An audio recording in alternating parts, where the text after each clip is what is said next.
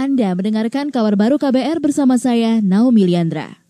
Perhimpunan Hotel dan Restoran Indonesia atau PHRI mengklaim mayoritas pengusaha hotel tidak mampu membayar tunjangan hari raya atau THR karyawan secara penuh. Ketua Umum PHRI Haryadi Sukamdani memperkirakan sekitar 50 persen pengusaha perhotelan akan melakukan penundaan pembayaran THR hingga akhir tahun. Sebagian pengusaha hanya mampu membayar THR secara berangsur – Menurut Haryadi, ketidakmampuan membayar THR kepada karyawan untuk lebaran kali ini lantaran aliran dana perusahaan tidak berputar karena operasional yang terganggu akibat wabah COVID-19.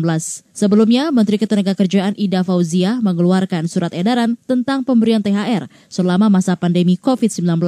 Dalam surat edaran tersebut, Menaker meminta seluruh perusahaan membayarkan THR keagamaan kepada pekerja atau buruh sesuai dengan ketentuan perundang-undangan. Namun, Menteri membuka ruang dialog mencari solusi dengan serikat pekerja dan buruh jika perusahaan tidak mampu membayarkan THR sesuai waktu. Ikatan Dokter Indonesia atau IDI meminta pemerintah mempercepat pemeriksaan laboratorium terhadap 30 ribu pasien dalam pengawasan atau PDP. Wakil Ketua Umum Pengurus Besar IDI, Slamet Budiarto, mengatakan percepatan itu diperlukan jika pemerintah ingin menurunkan grafik kurva penularan COVID-19 di Indonesia.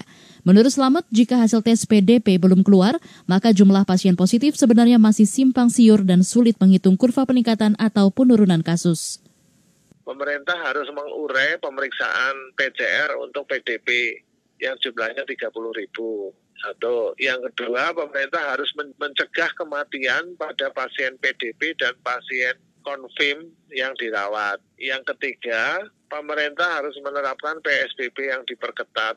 Yang sekarang tapi diperketat lah. Harusnya Jawa semua, satu pulau. Wakil Ketua Umum Pengurus Besar IDI Selamat Budiarto juga mengkritik kebijakan operasional transportasi umum yang dilonggarkan pemerintah. Budiarto mengatakan selama ini penerapan pembatasan sosial berskala besar atau PSBB secara ketat di sejumlah daerah sudah cukup berhasil menurunkan kasus COVID-19. Ia khawatir jika mobilitas orang dilonggarkan, maka akan beresiko memperluas penyebaran virus corona. Seleksi pendaftaran calon pegawai negeri sipil atau CPNS 2019 Provinsi Jawa Tengah diwarnai diskriminasi terhadap peserta formasi khusus disabilitas. Peserta CPNS difabel tunanetra Mbai Haki mengatakan Badan Kepegawaian Daerah atau BKD Jawa Tengah menilai ia dan dua tunanetra lain tidak memenuhi syarat menjadi CPNS guru lantaran merupakan difabel netra.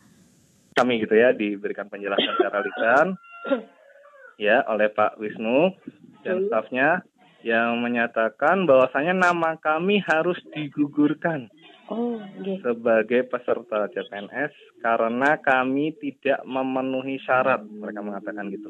Oke. Okay.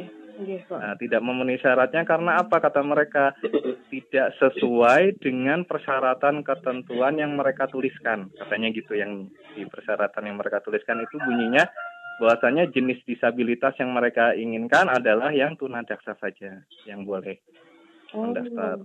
Iya, iya, iya. Itu. Peserta CPNS Difabel Tunanetra M. Bayi Haki mengatakan sebelumnya ia lolos dengan nilai tertinggi dalam seleksi administrasi dan peringkat satu formasi disabilitas tunanetra pada tes seleksi kemampuan dasar atau SKD pada Februari lalu. Bayi Haki sudah mengajar sejak 9 tahun lalu di kota Pengalongan. Ia juga mendapat penghargaan dari Konsultas RI di Tawau, Malaysia atas keterlibatannya mengajar anak-anak tenaga kerja Indonesia di negara itu. Demikian kabar baru KBR, saya Naomi Liandra.